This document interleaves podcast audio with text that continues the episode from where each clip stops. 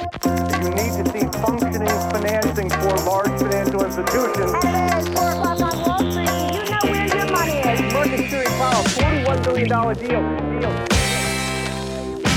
Då är det äntligen dags för investerarens podcast nummer 51 i ordningen och det här avsnittet den här veckan är ett eh, kanske efterlängtat sådant. Jag tror ingen vet att jag skulle spela in på det här temat men jag har fått ganska många förfrågor sedan förra året på om jag inte skulle kunna göra ett avsnitt med kanadensiska månadsutdelare. För i fjol som du kanske kommer ihåg så gjorde jag en episod med amerikanska månadsutdelare. Och där har det ju varit en hel del frågor. Så här, kan du inte göra en på Kanada också? Ja, jo, det är klart att jag kan och här, här kommer det. Ehm, men vill man kika tillbaka på det här så kan man ju antingen kolla i mitt bibliotek, sen gjorde jag ju även ett blogginlägg då på Avanza. Så att ehm, googlar man ehm, eh, amerikanska månadsutdelare och så skriver man Avanza eller Avanza-bloggen eller någonting, då hittar man det inlägget. Så då staplar jag upp de månadsutdelarna också. Och sen så hittar du ju även eh, poddavsnittet och där vi eh, helt enkelt går igenom de där bolagen. Och faktum är att flertalet av de här bolagen i USA är även dubbelnoterade i Kanada. Så att, eh, ja, en fördel är väl i sådana fall om du skulle köpa de här bolagen i Kanada att du får den kanadensiska dollarn istället för den amerikanska dollarn om det nu är så att man tror att amerikanska dollarn ska försvagas. Om det är så att man tror att den ska förstärkas Ja, då kanske det kan vara vettigt att sitta på eh, aktier eh, i, med, i amerikanska dollar istället. Det är ju en valutadimension självfallet när du investerar utomlands också. Även om det är ett nollsummespel så är den ju ändå man kan ju alltid fundera på i vilken valuta man eh, vill ha valutaexponering. Om det är i dollar eller i alltså amerikanska dollar eller om det är i kanadensiska dollar. Men innan vi går in på de kanadensiska bolagen så vill jag egentligen bara reflektera lite grann kring senaste tiden innan vi, eh, sen vi hördes vid sist. Ehm, och där har vi ju fått en vinstvarning från Apple och det är ju första gången på 15 år och även första gången i iPhone's historia som lanserades 2007. Det har ju faktiskt aldrig hänt tidigare och här i media har det varit liksom en, någon form av kamp kring vem som snabbast har kunnat ropa ut att äpplet är ruttet och innovationskraften är död och nu går de samma eh, öde till mötet eh, som eh, Nokia exempelvis och jag vet inte riktigt vilka likheter det finns mellan den Nokia-telefonen jag hade när jag var ung som jag ringde alldeles för dyra samtal med och skickade alldeles för dyra sms med eller spelade Snake. Men så att idag gör du ju så enormt mycket mer med din mobil. Ehm, för mig, jag under julledigheterna använde, jag hade en snitttid på 36 timmar i veckan på mobilen vilket är helt galet. Ehm, jag det har gått ner lite grann när man kommer tillbaka till jobbet. Men det till trots så är det klart att man använder ju mobilen till väldigt mycket och det finns en betalningsvilja. Sen kan jag också tycka att iPhone eh, eller Apple då har höjt priserna lite pikant mycket på de senaste modellerna och det där är ju eh, Ja, det är ju ett pris och volymspel självfallet och jag menar Ehm, frågan är ju huruvida de ska kunna fortsätta höja priser för att eh, iPhone-försäljningen har ju stagnerat lite grann. Eh, och där har de ju försökt trycka upp priserna och det har de faktiskt också gjort eh, ganska lyckosamt. Ehm, men frågan är ju lite grann vad som händer framåt. Jag menar, det vi har sett nu det är ju att man har tenderat att förlänga uppgraderingscykeln från kanske två till tre år snarare. Att man väntar lite längre medan, tills dess att man uppgraderar sin telefon. Sen har det ju varit lite arga miner också kring eh, batterierna där när det kom ut information om att de blev lite tröttare i takt med uppdateringar som Apple gjorde. Och där har man ju också tillåtit eh, kunderna att, att uppgradera batterier då för en 30 dollar som jag förstod det, vilket är en väldigt bra prislapp. Och det är klart att då kanske man behåller de här ett år till. Ehm, men samtidigt så är det ju väldigt många som tycker att det här är en, alltså när man skyller på handelskonflikten, att det egentligen bara är en ursäkt från en stagnerande marknad. Och sanningen kanske ligger någonstans mitt emellan. För några dagar senare kom ju Samsung också ut och, och vinstvarnade. Och även om det finns en viss koppling där för att eh, Apple köper ju även eller komponenter av Samsung. Samsung är ju en underleverantör till Apple så att eh, det är klart att Samsung påverkas ju också negativt av att det går lite sämre för Apple. Men det går ju sämre för många bolag. Eh, både Apple och Samsung inom DG-bitet men det går även ganska knackigt för många andra amerikanska bolag i Kina just nu. Eh, så att just det här med handelskonflikten, att det bara ska vara en ursäkt vet jag inte riktigt om jag köper. Sen eh, lyssnade jag också på en intervju med Jim Cramer när han intervjuade Tim Cook i USA. Eh, jag tweetade den också så att du kan ju se den på twitter.com investeraren. Alternativt så kan jag också lägga upp länken till den intervjun Eh, i eh, poddavsnittet här då, när du ser texten för poddavsnittet så kan du ju kika och lyssna till vad Tim Cook också säger. Sen är det ju självfallet så att man får ta det med en nypa salt för han är ju betald att vara, för att vara positiv kring bolaget. Men jag tycker att mycket av det han säger är ganska vettigt och är det så att man lyssnar och tittar på mediebevakningen så kanske man även kan lyssna på honom.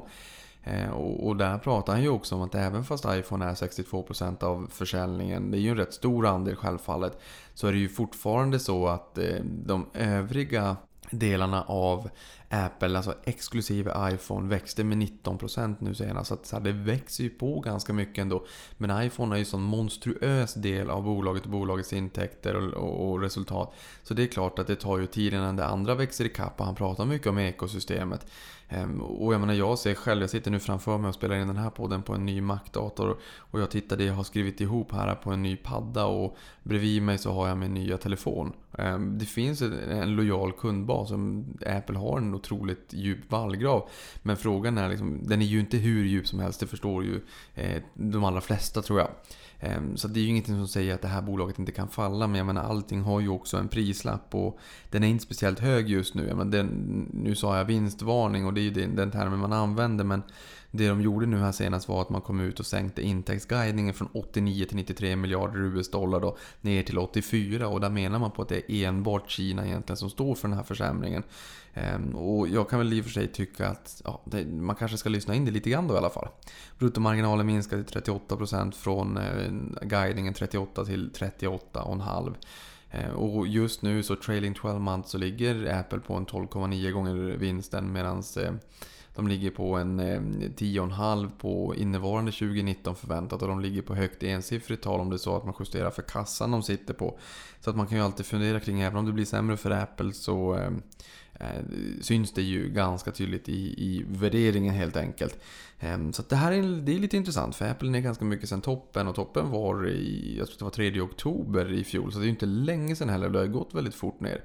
Eh, så tyckte man att Apple var intressant då så kanske man åtminstone ska ta en liten fundering kring om man fortsatt, fortsatt då tycker att Apple är intressant nu.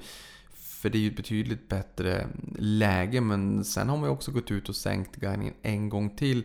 Eller tagit ner förväntningarna och... Ja, även om det är så att vi inte riktigt vet hur lång tid det här tar i Kina och den konflikten ehm, så är det nog fortfarande en ganska bra entry point kanske för att eh, sakteligen skala upp en position helt enkelt. Eh, och här hörde jag på Ekonomiekot nu om det var i morse eller om det var kanske igår morse när man sa att man förlängde eh, handelsavtalen som nu pågår mellan Kina och USA ytterligare en dag. Och det här tolkades ju positivt av marknaden också. Så vi får helt enkelt se, men det är många bolag, Starbucks säger att det är jobbigt för dem, Fedex säger att det är jobbigt för dem, Harley Davidson säger att det är jobbigt för dem, ehm, LVMH tycker att det är väldigt jobbigt. När jag var i Sydkorea så tyckte man att det var jobbigt för där är man väldigt beroende av den kinesiska konsumenten. Där har man också märkt av en avmattning. Så jag tycker ändå att ehm, man behöver liksom inte ehm, säga att det inte finns någon, något stoff alls i den argumentationen kring att den kinesiska konsumenten är lite mer avvaktande och att det slår mot försäljningen helt enkelt. Och sen ska vi också komma ihåg att eh, det är ett ganska intressant läge just nu.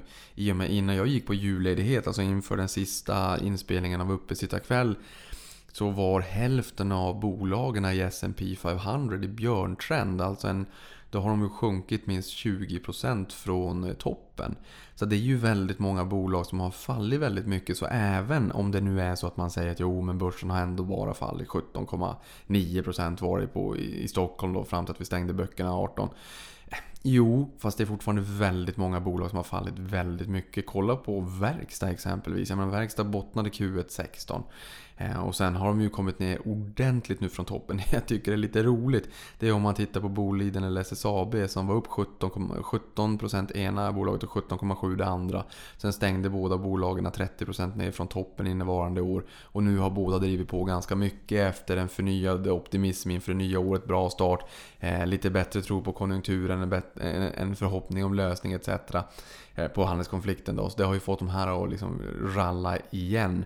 Eh, så de svänger ju väldigt mycket helt enkelt. Men eh, mycket har fallit. Eh, direktavkastningen på börsen är hög, värderingen är inte speciellt hög, även om det är så att att vinsterna inte materialiseras. Jag menar i år förväntar man sig att vinsterna ska stiga någonstans i, i storleksordningen 8%. Det är fortfarande så att många bolag har fallit betydligt, betydligt mycket mer än, än börsen som helhet. Så det, det finns rätt många bra lägen. Jag pratade med en person på en finanstidning i, eh, idag som sa att eh, de satte ihop en modellportfölj. De, de har inte varit så här positiva på flera år för att de känner att värderingarna är helt rätt nu ja, helt rätt kan man väl aldrig veta, men betydligt mycket mer rätt nu än vad det har varit de allra senaste åren. Jag pratade med en eh, framstående fondförvaltare i, tidigt idag på, på morgonen Eh, som också sa att eh, nu känns det alldeles perfekt att komma in i, i eh, de här bolagen mot det, det teknikorienterade hållet. För att det har fallit väldigt mycket helt enkelt. Det börjar kännas som fina lägen. Och det är klart att menar, nu är det väldigt många som säljer och vi i Sverige är ju världsmästare, om inte åtminstone Sverigemästare, på att köpa dyrt och sälja billigt. Och det ser vi i alla former av liksom, statistik från Fondbolagens förening. Vi ser det i Avanza sparindikator, sparbarometer som vi har nu tre kvartal kvartal eh, har vi data sedan tidigare och den här visar ju med ganska, ganska fint eh, konfidens att eh, när börsen går ner så tenderar man också att säga att man tror att börsen ska fortsätta ner och dessutom så säger man också att man kommer att minska sitt eget sparande.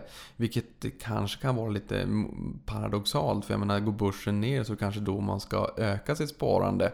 Ehm, helt enkelt, inte minska det. Och då kan du ju tycka att jo, men ska man inte minska sitt sparande tills det har gått ner och sen köpa på igen. Ja, fast så rent rationell är eh, få människor faktiskt om vi ska ta eh, svenskarna på ett aggregat. Speciellt om man då har en sparhorisont på 10, 15 eller 20 år. Eh, då spelar det inte så stor roll även om det är så att man ökar på sitt sparande lite grann när börsen går ner. För även om man tycker att börsen kan ju fortsätta ner, ja men absolut. Men till slut så har ju faktiskt börsfallet eh, stannat av. Vinsterna börjar hämta igen sig igen. Börsen faller, värderingarna faller, vinsterna stiger och till slut så kommer de där två mötas. Och sen så blir ju prislappen alldeles för attraktiv för att inte kunna eh, plocka på. Jag menar, de som säljer aktier är ju inte dummare än att när värderingarna kommer ner till så aptitliga nivåer att man inte kan motstå det där. Jag menar, då blir det ju en frenzy. Då blir det ju helt enkelt eh, eh ungefär som att man tränar och, och, och bara dricker någon proteindricka eller vad det än är och inte äter någonting. Till slut så kommer ju pendeln slå åt andra hållet. Och sen frossar man en massa mat istället. Det är ju synd att det blir så, så ska det inte riktigt vara. Så blir det ju på börsen också. Och på börsen karaktäriseras det där väl av att det blir trångt i ingången sen när alla inser att ja men herregud, det är nu man ska in i börsen. Då ska alla in samtidigt, det är ju flockmentalitet och allting och sen blir det trångt och sen så får vi ju kraftiga rörelser uppåt helt enkelt. Det är ju samma sak när alla ska ut samtidigt, då får vi ofta kraftiga rörelser neråt helt enkelt.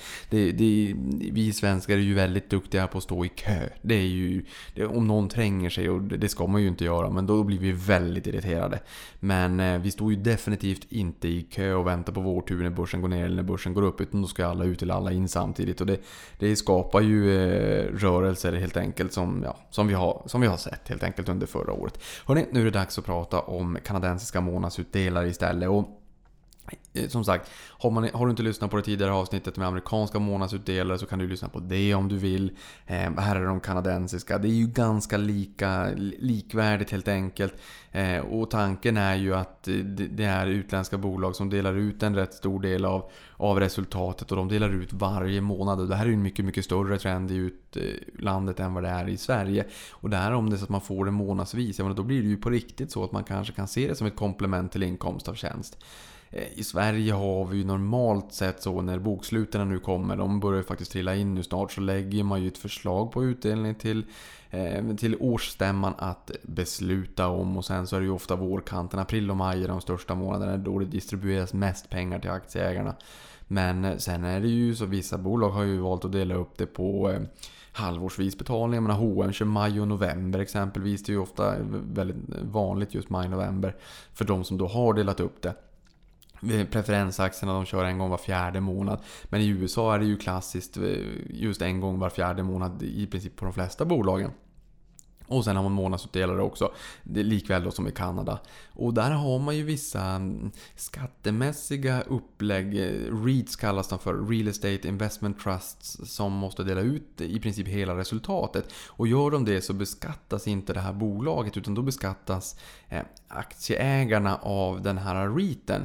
Så att blir, man slipper en dubbelbeskattning och, och, det här är ju ett sätt för allmänheten eh, att, för att gå ihop i ett sånt här bolag och köpa fastigheter. Så att du och jag och väldigt många andra kan dela på risken och, och köpa ett fastighetsbestånd. Och REITsen är jättevanliga både i USA och Kanada. Så att i, i den här listan, de här kanadensiska månadsutdelarna, så är det ganska många eh, REITs helt enkelt. Ehm, och Det jag vill att man ska komma ihåg det är att dels kika på utdelningsandelen.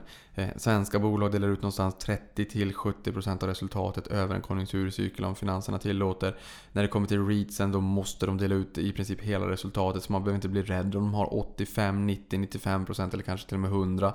Ehm, det ligger i, eh, det ligger i korten. De ska dela ut i princip hela eh, resultatet helt enkelt. Men eh, i normala fall så ska man hålla koll på utdelningsandelen. Här kan man ju också kika åtminstone. Sen ska du tänka på valutarisken. Det är ju självfallet så om det är så att du köper en tillgång i utländsk valuta. Så köper du inte bara aktien i det bolaget utan du köper ju även den utländska valutan och säljer svenska kronor. Eh, jag har sagt det här i tidigare avsnitt också men har du inte lyssnat på det så vill jag ju säga det en gång till då. Så köper du en amerikansk aktie för 100 dollar och den stiger 10% till 110 dollar. Eh, ja, det är ju trevligt, då har din investering stigit 10% men eh, då har du också köpt en investering i dollar. Så när du köpte aktien så köpte du aktien plus att du köpte dollar och sålde svenska kronor. När du säljer den där, alltså det, växlingen sker ju per automatik, det där ser man ju aldrig. Då säljer du investeringen som har gått upp till 110 dollar. Men om det är så att dollarn har försvagats mot svenska kronan, vilket den har gjort nu på senare tid. Eh, vilket, om, om vi säger då att den har försvagats 10%. Ja, när du säljer investeringar som är plus 10% och sen säljer du dollar och köper svenska kronor. Har svenska kronor då blivit 10% dyrare, ja men då är det ju ett nollsummespel. Bara så att man har koll på det också. Och jag tycker valutan långsiktigt är ett nollsummespel. Men i det korta perspektivet, om du inte vet hur lång tid du ska ha investeringar det kan vara från allt från några dagar, några månader till något år. Så ska du ju ändå vara medveten om att den finns där. Och samma sak när du får utdelningar då. För utdelningar ska ju också växlas till svenska kronor helt enkelt. Sen normalt sett eh, mest fördelaktigt att ha ett utländskt innehav på kapitalförsäkringen. finns inga beloppsbegränsningar.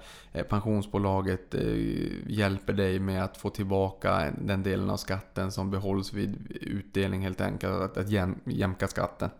Ehm, sen är det ju växlingsavgift, den ska man inte heller glömma när du köper eller säljer utländska värdepapper. Likväl som att du får utdelning så det växlas till svenska kronor.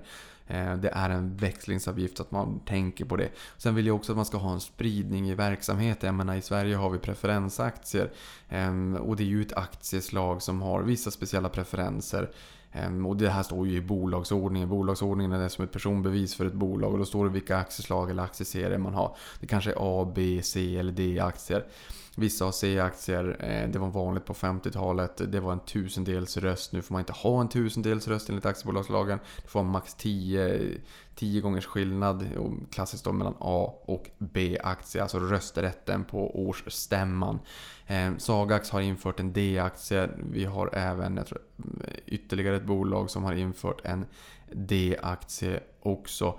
Och sen preferensaktierna, det, det är helt enkelt en, en aktie med vissa preferenser och det kan vara en begränsad rätt antingen till tillgångarna i bolaget eller till eh, vinsten då. Och oftast så är det så att man får en, en viss given utdelning för vanliga stamaktieägare men man har inte så mycket mer rätt än, eh, än så helt enkelt. Och ofta så är den röstsvag då också helt enkelt. Vilket innebär att om det är så att det, det blir någon konstighet att de vill ställa in preffutdelningen. Ja, då kommer ju, och, och, att det behövs ett, ett beslut på det här så kommer ju preffägarna förmodligen rösta nej. Men de har ju röstsvaga aktier i förhållande till andra aktieägare i bolaget med, med stamaktier som kanske då är röststarka. Men allt det här står i bolagsordningen för bolaget. Så att ha koll på det, bara så att du tänker på det liksom. Första kanadensiska bolaget, där har vi Exchange Income Corp. Som är ett bolag som äger flygbolag och diverse tjänstebolag inom flygindustrin. Eh, och de har en diversifierad portfölj av lönsamma och väletablerade bolag med starka kassaflöden. Eh, och är rätt förvärvsorienterade också och har som mål att köpa nischade bolag med, med de här nämnda kvaliteterna. Då. Eh, aktiekursen i bolaget har stigit 3,21% year to date, alltså i år 2019 då. Och eh, 14,10% de senaste tre åren just när det är den här typen av bolag oavsett om det är preferensaktier i Sverige eller om det är eh, månadsutdelare i USA eller Kanada så ofta de som köps, ja, min erfarenhet när jag ser på Avanza vad folk köper det är ju ofta de som har en ganska hygglig direktavkastning så att då får man ju tänka också att aktiekursen här blir väl kanske lite grann som eh, grädde på moset. Men det är ju roligt att se att man har fått en kurstillväxt också för det adderar ju på totalavkastningen. Totalt antal ägare 166 stycken på Avanza. Den ger en yield på 7,5%. Det vill säga utdelningen i förhållande till aktiekursen och de har höjt utdelningen 9 år eh, i rad. Sen har vi nästa som är Transalta Renewables som utvecklar, äger och driver anläggningar för förnybar energi. Eh, det här bolaget har gått upp 5% nästan i år, 10,7% på tre år. Eh, har 463 ägare på Avanza, gillar 8,7% och har höjt utdelningen i 5 år. Sen har vi Alaris Royalty som är ett vad man kan likna private equity-bolag som investerar i företag som behöver kapital men vill fortsätta driva bolaget operativt och fortsätta ha inflytande. Det kanske liknas vid varför bolag går till börsen om de vill leva i en noterad miljö. Då kanske man har A och B-aktier och det är B-aktierna man säljer ut för att man vill ha kvar röststarka A-aktier, ha kvar inflytande i bolaget men kan släppa ifrån sig lite kapital. Mer kapital än röster. Eh, I det här fallet så är det ju onoterade bolag och här går ju Alaris in och, och köper in en andel i de här bolagen då och fortsätter ha den som decentraliserat. Gör eran, gör eran grej. Vi är med och stöttar er när ni behöver oss helt enkelt. Och det är ju ett förvärvsdrivet bolag som har så att säga, den här decentraliserade modellen då. 90% av investeringarna är i USA och 10% i Kanada. Eh, och de branscherna de favoriserar är företagstjänster, industri och konsumentrelaterat. Och sen IPO i november 2008, det är ganska modigt. Det var ju eh, två månader efter att Lehman föll då, så har de faktiskt genererat 15% om året sen dess. Så det har ju varit en, en hygglig avkastning på det här. Eh, I år är den upp 4% och på tre år är den ner 24% och där har vi 50 aktieägare på Avanza och eh, den gillar 9,4% och här är utdelningsandelen 94%. De har höjt i ett år. Men sen har de höjt utdelningen 10 gånger sedan 2010 och den totala höjningen är 93% sedan 2010. Så man har nästan dubblat eh, utdelningen då sedan eh, 2010. Eh, och man har gett 123 utdelningar i rad, vilket innebär att de här är ju månadsutdelare. Så 123 månader i rad. Det är över 10 år i rad och så har man eh, gett utdelning varje månad. Eh, och den här aktien ingår faktiskt även i Canadian Dividend Aristocrat Index. Och för er som är bevandrade med den termen så en Dividend Aristocrat åtminstone i USA är ju en aktie som har höjt utdelningen i minst 25 år i rad. Och en Dividend King är ett bolag som har höjt utdelningen i minst 50 år i rad i USA. Sen har vi, och du kanske märker nu också, det är lite olika verksamheter. För att i Sverige så är de flesta preffarna fastighetsbolag. Det är en ganska hög koncentration mot en enskild bransch. Eh, här har jag ändå försökt ta ut lite bolag med lite olika affärsmodeller, lite olika branscher. Och det är också så här att ehm, det finns väldigt många månadsutdelare i Kanada. Och jag hittade ett inlägg i en artikel som, som en person har skrivit där man listar alla de här bolagen. Så jag kommer också lägga in den länken i det här poddavsnittet så att man själv kan gå in där och kika på de här bolagen helt enkelt om man vill gå igenom alla. Eh, och då kan jag säga att ett av Kanadas eh, största eh, pizzakedjor heter Pizza Pizza Royalty Corp. Och den här pizzakedjan grundades 1967 och driver varumärkena Pizza Pizza och Pizza 73 och har totalt över 600 restauranger. Ehm, och det som är med, med den här typen av bolag och upplägg som jag har förstått, jag har märkt det mer och mer ju mer jag har tittat att eh, speciellt när det är restaurangvarumärken så lägger man varumärkena i ett eget bolag, en trust. Ehm, exempelvis som du och jag kan bli delägare i och de får en royalty på x antal procent på försäljningen. Inte på resultatet utan på försäljningen i de fallen jag har tittat. Så att, och sen delar de ut i princip hela den eh, royaltyn. Då. Det är väldigt många som har det upplägget.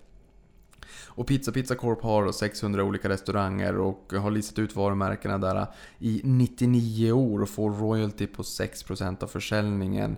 Ehm, och från Pizza Pizza varumärket och 9% av försäljningen från eh, Pizza 73 varumärket helt enkelt. Och aktiekursen är upp 2,56% i år men har backat 31% de senaste tre åren. Där har vi 55 aktieägare på Avanza och den gillar 9,3% och har inte höjt utdelningen eh, i närtid vad jag kunde se. Sen har vi Northland Power som är ett bolag som äger anläggningar för Clean and Green Energy och har varit verksamma sedan 1987. Det är jag smärtsamt medveten om att det är 32 år sedan, sedan i år då. Och det här bolaget har stigit 4,4% i år och 25,4% senaste tre åren. Och där har vi 10 aktieägare på Avanza. Gildar 5,34% och har höjt utdelningen i ett år i rad då. Sen har vi Kiera Corp Eh, som är ett eh, energiservicebolag som tillhandahåller tjänster inom olja och gas och som förvaring, bearbetning, transport, logistik och marknadsföring. Eh, och det här bolaget är upp 6,5% i år och har sjunkit 29% de senaste tre åren.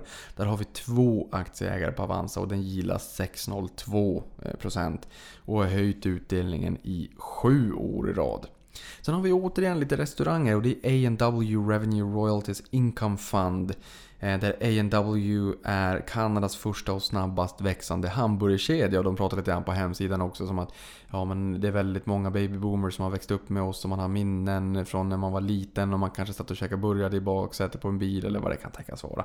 Eh, och totalt har de ungefär 900 restauranger och den här aktien äger eh, rättigheterna till varumärkena då som hamburgerkedjan nyttjar.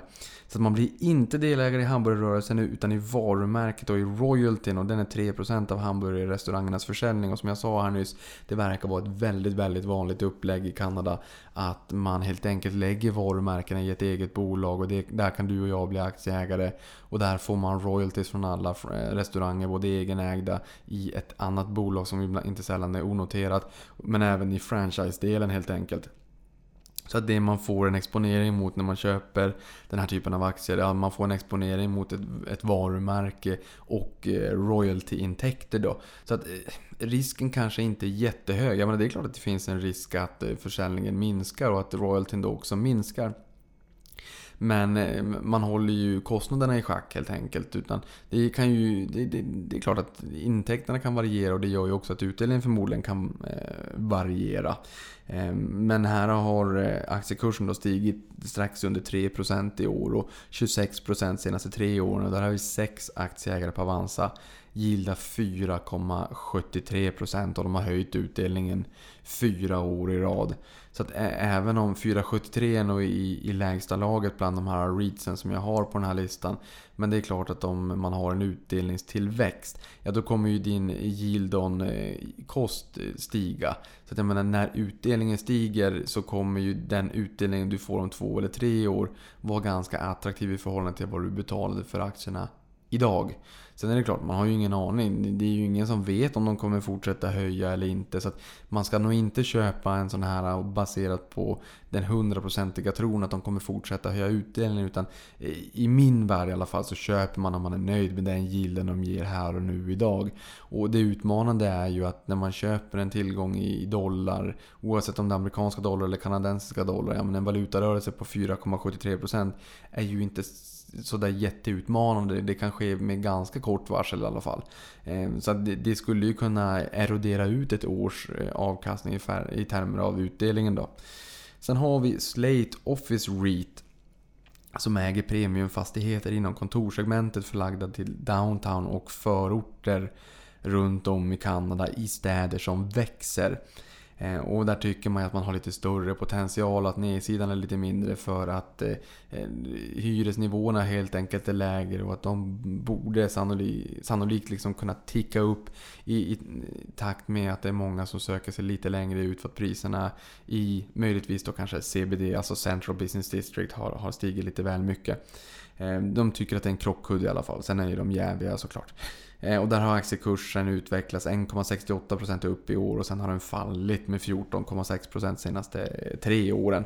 Och det är klart, med, med den här typen av bolag ska man ju också vara varse och medveten om eh, räntekostnaden. Räntan är priset på pengar och är det så att räntekostnaden börjar stiga, men då kan det ju också vara så att det påverkar eh, bolaget negativt. Om de inte har lång kapital och räntebindning. Ja, främst räntebindning då. Eh, antalet ägare på Avanza är 30 till antalet. Den gillar 12,5% och de har inte höjt något år vad jag kunde se. Inte i närtid i alla fall. Sen har vi American Hotels Income Properties Rate, äh, REIT. Eh, och de äger Select Service Premium Hotel i sekundära lägen i främst USA. Eh, och dessutom har de en hel del järnvägskunder också. Som jag kunde förstå så är det just de här eh, sekundära lägena i USA som växer väldigt mycket just nu. Där det byggs väldigt mycket. Eh, och Select Service, jag menar då får man ju, det är inte jättemycket personal och man får liksom serva sig själv ganska mycket där. Och då kan de också hålla nere personalkostnaderna. Och bolaget här har 102 månader av ökad RevPAR-tillväxt, alltså Revenue per Available Room-tillväxt. Eh, man tittar hur många rum det finns och sen så tittar man på den genomsnittliga intäkten per antal rum man då har. Eh, så det är klart att det här är också något som stöttar upp att man i 102 eh, månader faktiskt har lyckats öka den genomsnittliga tillväxten helt enkelt.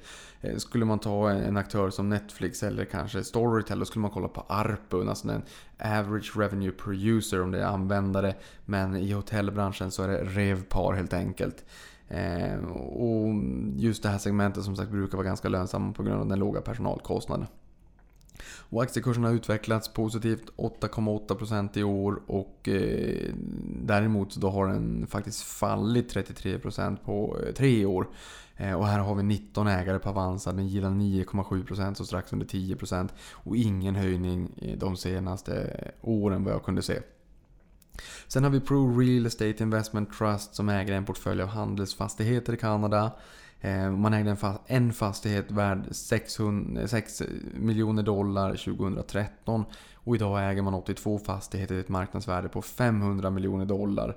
Eh, och här har man betalat utdelningar varje månad och sedan eh, januari 2014. Här får man nästan kika lite grann på hemsidan för de skriver i dollar men eftersom det är både amerikanska och kanadensiska dollar så funderar man lite grann på vilken dollar det är ni syftar på. Eh, helt enkelt, man får utgå från att det är Kanada-dollar då med tanke på att det är kanadensiska bolag. Och här, man har alltså betalat utdelningar under ganska lång tid varje månad och det är livsmedelsbutiker och apotek som är de vanliga hyresgästerna. Men sen har vi också kanadensiska staten som är den fjärde största hyresgästen för det här bolaget. Eh, och aktiekursen är upp 10,5% i år och ner 10,2% de senaste 12 månaderna. Där fanns inte statistik för tre år. Eh, och vi har fyra ägare på Avanza. Den gillar 10% och har inte höjt eh, någon utdelning senaste året. Sen har vi favoriten som jag tror att många av er tänker på när man tänker på Kanada och det är Boston Pizza Royalties Income Fund. Ehm, och det är ju Kanadas number one casual dining med över 390 restauranger som erbjuder en bred flora av rätter som pizza, pasta, burgare och sen har de några klassiker, eh, BP Wings också. Ehm, och på årsbasis serverar de runt 50 miljoner kunder och hade en omsättning på 1,1 miljard dollar. Ehm, och dessutom har de vunnit pris också för Kanadas, en av Kanadas 50 mest välskötta bolag sedan 94, då började jag ettan. Eh, och totalt har aktien gett en totalavkastning på 12,4% sedan 2002. Och under den här perioden så har de då också höjt utdelningen 18 gånger och utdelningsandelen ligger på 98,6%. Det är nog ingenting man behöver bli livrädd över utan som sagt det ligger i korten när det kommer till den här typen av upplägg. Eh, och där har aktiekursen stigit 10% year to date men har fallit 2,86% senaste tre åren. Eh, men då får man ju tänka att man eh, som ägare i den här typen av bolag så är man ju kupongklippare. Eh, antalet ägare hos oss ligger på 2055 stycken. Den gillar 8,49% helt enkelt. Och sen har vi True North Commercial REIT som är En REIT som äger en portfölj bestående av kommersiella fastigheter i storstäder i Kanada som fokuserar på statliga hyresgäster likväl som privata företag med hög kreditvärdighet. Kan man tycka, gör inte alla det?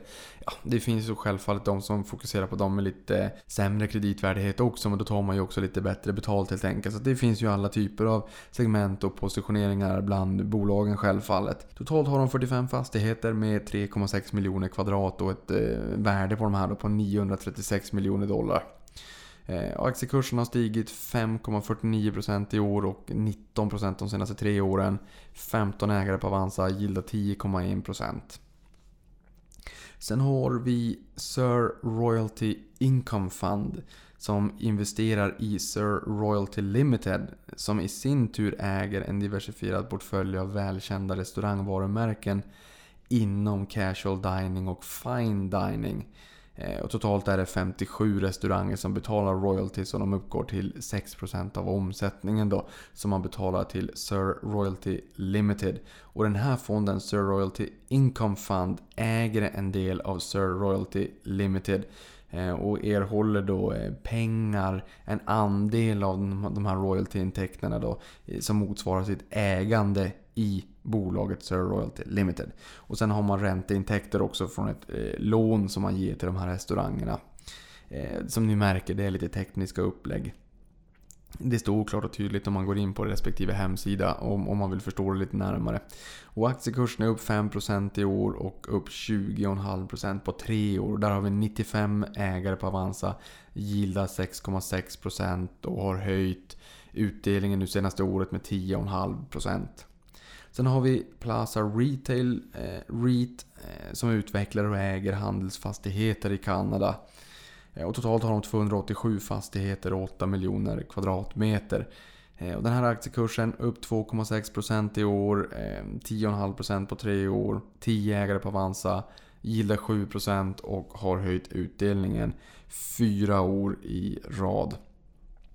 Sen har vi Automotive Properties Real Estate Investment Trust som är en eh, tillväxtorienterad fastighets-REIT som äger 54 kommersiella lokaler eh, som används av bilhandlare i kanadensiska storstäder. Och när man tittar på de här bilderna på hemsidan, tänk dig att du kör efter en motorväg och ser ett sånt här litet space, eller litet stort space, ett eh, eh fastighet med mycket glas som man kan se bilarna igenom när man är och kör. Så att den typen av fastigheter äger det här bolaget då. Eh, kontraktslängd snittar på 12,8 år vilket ändå är ganska lång tid i min värld i alla fall när det kommer till fastigheter.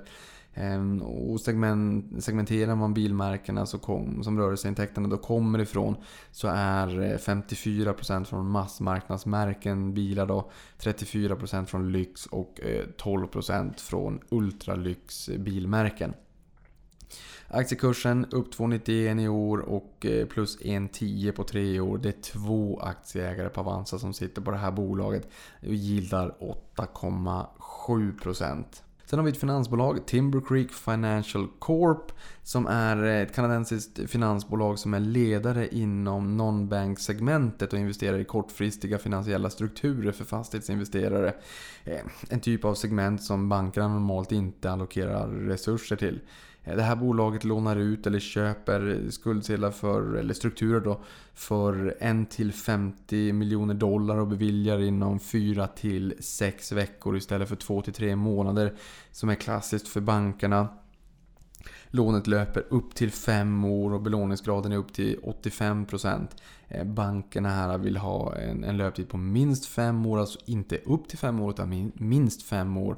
Eh, och de vill inte ha en belåningsgrad på 85% utan snarare 60%. Så det är väl lite grann skillnaden. Så det här har ju också Timber Creek Financial Corp eh, positionerat in sig i ett segment där bankerna inte är verksamma. Och det är klart att då får ju de här fastighetsinvesterarna som tar Timber Creek Financial Corp till hjälp då, Att de får ju betala lite mer för det här helt enkelt. Aktiekursen är upp eh, strax under 2% i år men har backat 5,7% senaste 12 månaderna då fast det är inte treårshistorik här heller. Tre ägare på Avanza, 7,7% i yield och har höjt två år i rad. Sen har vi Keg Royalties Income Fund som är en restaurangkedja som positionerar sig i premiumsegmentet inom casual dining. Eh, första restaurangen öppnade 1971 och i royalty-poolen, och en royalty-pool det är alltså alla restauranger då som betalar in royalties Eh, till en kassa som sen så fördelas ut eh, baserat på ägarstrukturen. Oftast så är det ju fonden som du och jag investerar i som får de här royalty-pengarna. Eh, I den här poolen så finns det 103 restauranger och fonden får royalties löpande för att restaurangerna då använder varumärket. Precis som i alla andra upplägg jag har pratat om. Och här är det totalt 4% av försäljningen som läggs i den här poolen som sen då delas ut till de som sitter som aktieägare i KEG Royalties Income Fund. Eh, och den aktiekursen har stigit 3,4% i år och eh, backat 4% de senaste tre åren. Här har vi 131 avansianer, gilda 6,9% och höjt utdelningen ett år i rad. Sen har vi Cineplex en biografkedja med 70 miljoner besökare årligen i 164 biografer men driver även lite annat som e-handel, catering, events, inte minst för företag, e-sport via worldgaming.com för att nämna några verksamheter i, i, inom liksom, eh, koncernen så att säga. Eh, aktiekursen är upp 3,7% i år och har backat 43% de senaste tre åren. Så det där får man ju kika lite närmare på. Eh, helt enkelt om det är så att man ska ge sig in i det här. Det ska man göra i alla egentligen. Eh, så att det här, ta det här som inspiration och sen om det är så att du blir nyfiken på något, då går du in på hemsidan och läser helt enkelt. 10 ägare på Avanza, gillar 6,4% och höjt utdelningen 7 år i rad. Sen har vi eh, sista och det är Dream Hard Asset Alternatives Trust. Ehm, och den här liknar en fond egentligen, som i, alltså en fond i fondlösning som i, sin tur investerar i ett antal underliggande REITs. Ehm, och har eh, därigenom då exponering mot fastighetsutveckling, förvaltning, anläggningar för förnybar energi eh, med mera. Så det är, det är eh, olika inriktningar i den underliggande exponeringen man får i Dream Hard Asset Alternatives Trust. Och det är just de investerar i fastigheter eller hard assets som de säger då. Eh, de har fastighetsutveckling och investeringar som utgör ungefär 44% av mixen. Och där har man ett mål om 15-20% IRR. 17,8% är kontor, industri och kommersiella fastigheter som ger ungefär 6% cash yield. Eh, och sen har man en låneportfölj på 27% som ger 9,5% i ränta i snitt. Eh, oförnybara projekt eller förnybar energi och projekt inom digibitet, inom sol och vind som ger 11% i, i cash yield och gör, utgör ungefär 11% av portföljen. Eh, och den här har stigit 3,9% i år och nästan 14% på tre år. Då. Där har vi fem aktieägare på Avanza och eh, 6,3% eh, yield. Då. Och återigen, det är de bolagen. Tänk på valutarisken. Eh, den är alltid eh, närvarande.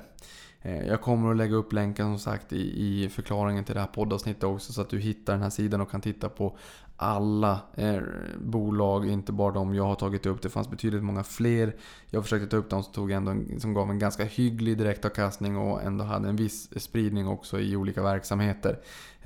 Och tittar jag på Avanza så Boston Pizza här är sjätte vanligaste kanadensiska innehavet efter alla eh, cannabisbolag. Alltså när jag då tittade vilket kanadensiskt bolag som var allra mest populärt att ha i portföljen. Och det kan man titta på själv också. Avanza.se aktier. Eh, och sen filtrerar du bara efter Kanada så ser du, eller vilket land du nu än vill så att säga.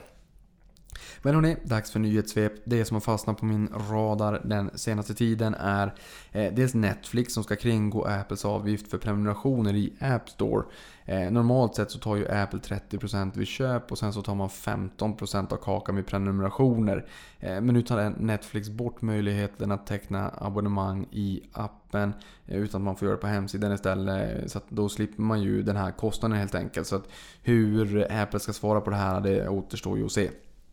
Sen har vi ett annat fangbolag och det är ju Amazon som vill öppna fler eh, Whole Foods butiker i USA och expansionen går mot Rocky Mountain-regionen och syftet eh, enligt bedömare uppges vara att locka fler kunder till den snabbare leveranstjänsten då. Eh, som erbjuds via Prime-medlemskapet. Sen har vi premiären av Canada Goose i fastlandskina. Tog emot väl. Den noterades ju i Kanada, Canada Goose då, i ja, det var 2017 vill jag minnas att den där aktien noterades. Eh, steg ordentligt nu på nyårsafton efter lyckande lanseringen i Kina och det är ju första butiken i Kina om man bortser från Hongkong då. Sen har vi norska oljefonden som sjönk i värde i fjol 2018 och det är första gången på 15 år. Eh, och den sämre avkastningen där beror på lägre oljepriser, vilket gjorde att norska staten tog ut pengar ur fonden. Eh, och i slutet av 2018 så var den värd 8488 miljarder norska kronor. Eh, och det är världens största aktieägare som jag förstår det. Sen har vi Apples App Store då återigen på tapeten som noterar nytt rekord under julen då 1,22 miljarder dollar spenderades mellan julafton och nyårsafton. Eh, 322 miljoner dollar spenderades på nyårsafton enkomt och det är ju också ett rekord. Sen har vi svenskarna som har ett rekordlågt förtroende för börsen enligt JP Morgan vars index fallit från 62 till 42 vilket till och med överträffar pessimismen under finanskrisen.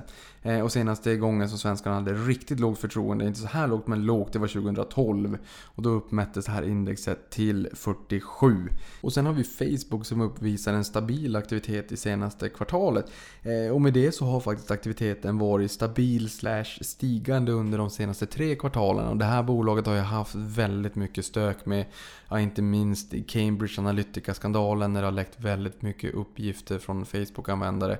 Eh, och det många har höjt rösten att man inte tycker att eh, eh, VD för Facebook eh, helt enkelt förstår utmaningen och problematiken och man inte riktigt vet ifall det är så att eh, bolaget eh, sätter användaren först eller mm, sätter det primära målet att tjäna så mycket pengar som möjligt. Ehm, så att, just den här hashtaggen delete Facebook trendade ju bitvis i fjol också och där var det ju en stor oro att det är väldigt många som skulle lämna plattformen. Men uppenbarligen så är ju stickenessen ganska hög. Ehm, för, I och med att det då fortfarande är väldigt många som använder plattformen. Man tycker Mark Zuckerberg inte riktigt eh, har betett sig ångerfull. Men han menar ju att han ska laga Facebook. Det återstår att se vad som händer med den eh, saken helt enkelt. Men, men det fakta på bordet det är ju att eh, aktiviteten har varit stabil eller stigande till och med lite grann under de senaste tre kvartalen. Så det blir ju spännande att se vad som händer och vart eh, Facebook ska gå i år. Jag menar i fjol så var Facebook ner eh, i runda slängar 25%. Och sen har vi sist men inte minst Kroger och Microsoft inleder ett samarbete avseende uppkopplade butiker. Och här har vi även Amazon som har sina Amazon Go, sina kassalösa butiker helt enkelt. Där man bara går in och plockar på sig det man ska ha och sen så går man ut och sen så eh, belastas man med, med eh, det dras direkt från ens konto helt enkelt. Eh, och här har man två pilotbutiker som ansluter sig till Microsoft molntjänst Azure och eh, där ska man installera digitala displayer som visar information om priser, reklam och näringsvärden. Så att alldeles oavsett så blir det ju intressant att se vart den här teknikutvecklingen bär oss. Eh, och det är något som har varit lite jobbigt för ITAB också. Nu har ju de mer än bara de här självutcheckningssystemen när man är inne i matvarubutiken idag. Men jag menar, skulle trenden booma mot just helt eh, utcheckningslösa Eh, butiker så det är klart att det är ju ett hot mot dem även om de har belysning etc. Och eh, sådär för, för butiker. Men eh, ja, uppenbarligen så har ju inte aktien gått speciellt bra heller. Så det blir ju att följa och se utvecklingen på, på den här trenden med kassalösa butiker helt enkelt. Och med de orden hörni så har vi ju gått igenom lite kanadensiska utdelningsaktier. Eh, kolla i informationstexten för poddavsnittet. Där hittar du länken till det här inlägget så att du kan se. Jag tror att det var 122 stycken eh, kanadensiska månadsutdelare. Så kan du ju välja och vraka om det är så att du vill ha en portfölj med månadsutdelare. Ehm, jag har inte det personligen själv. Jag kan tycka att när utdelningen kommer, det spelar just mig inte så stor roll där i livet där jag befinner mig just nu. Jag fokuserar på totalavkastning. Senare i livet kan det nog vara så att jag tiltar portföljer mot eh, fördel utdelning istället. Då kanske det är trevligt att få utdelningen lite löpande varje månad och sådär. Men det är tillräckligt många som tycker att det här är roligt och intressant. Så jag hoppas att det har varit lite inspirationellt för dig. Alldeles oavsett om det är så att man snör in sig på månadsutdelningar eller inte. Och med de orden så säger jag avkastning på dig. Emergency Powell, $41 billion deal. deal.